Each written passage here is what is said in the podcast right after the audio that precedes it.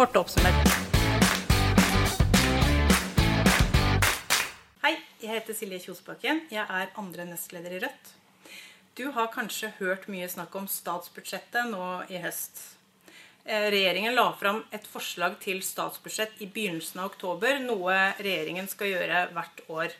Det budsjettet skal inneholde en oversikt over statens inntekter og utgifter for det påfølgende året. Inntil Stortinget skal behandle og komme med andre forslag til det statsbudsjettet her, så eh, lager alle partiene på Stortinget sitt alternative statsbudsjett. Vi har f.eks.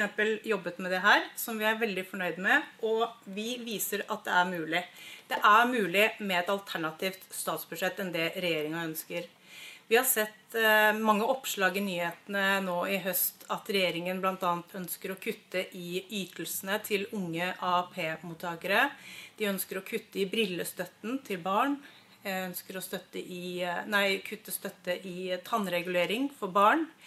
De er, eh, viser ikke noe særlig handlekraft når det gjelder god miljøpolitikk. De satser mye på vei, ikke noe veldig eh, god satsing på jernbane. I vårt statsbudsjett så viser vi at det er mulig å gjøre store endringer uten at det går utover de som trenger ytelser fra staten mest.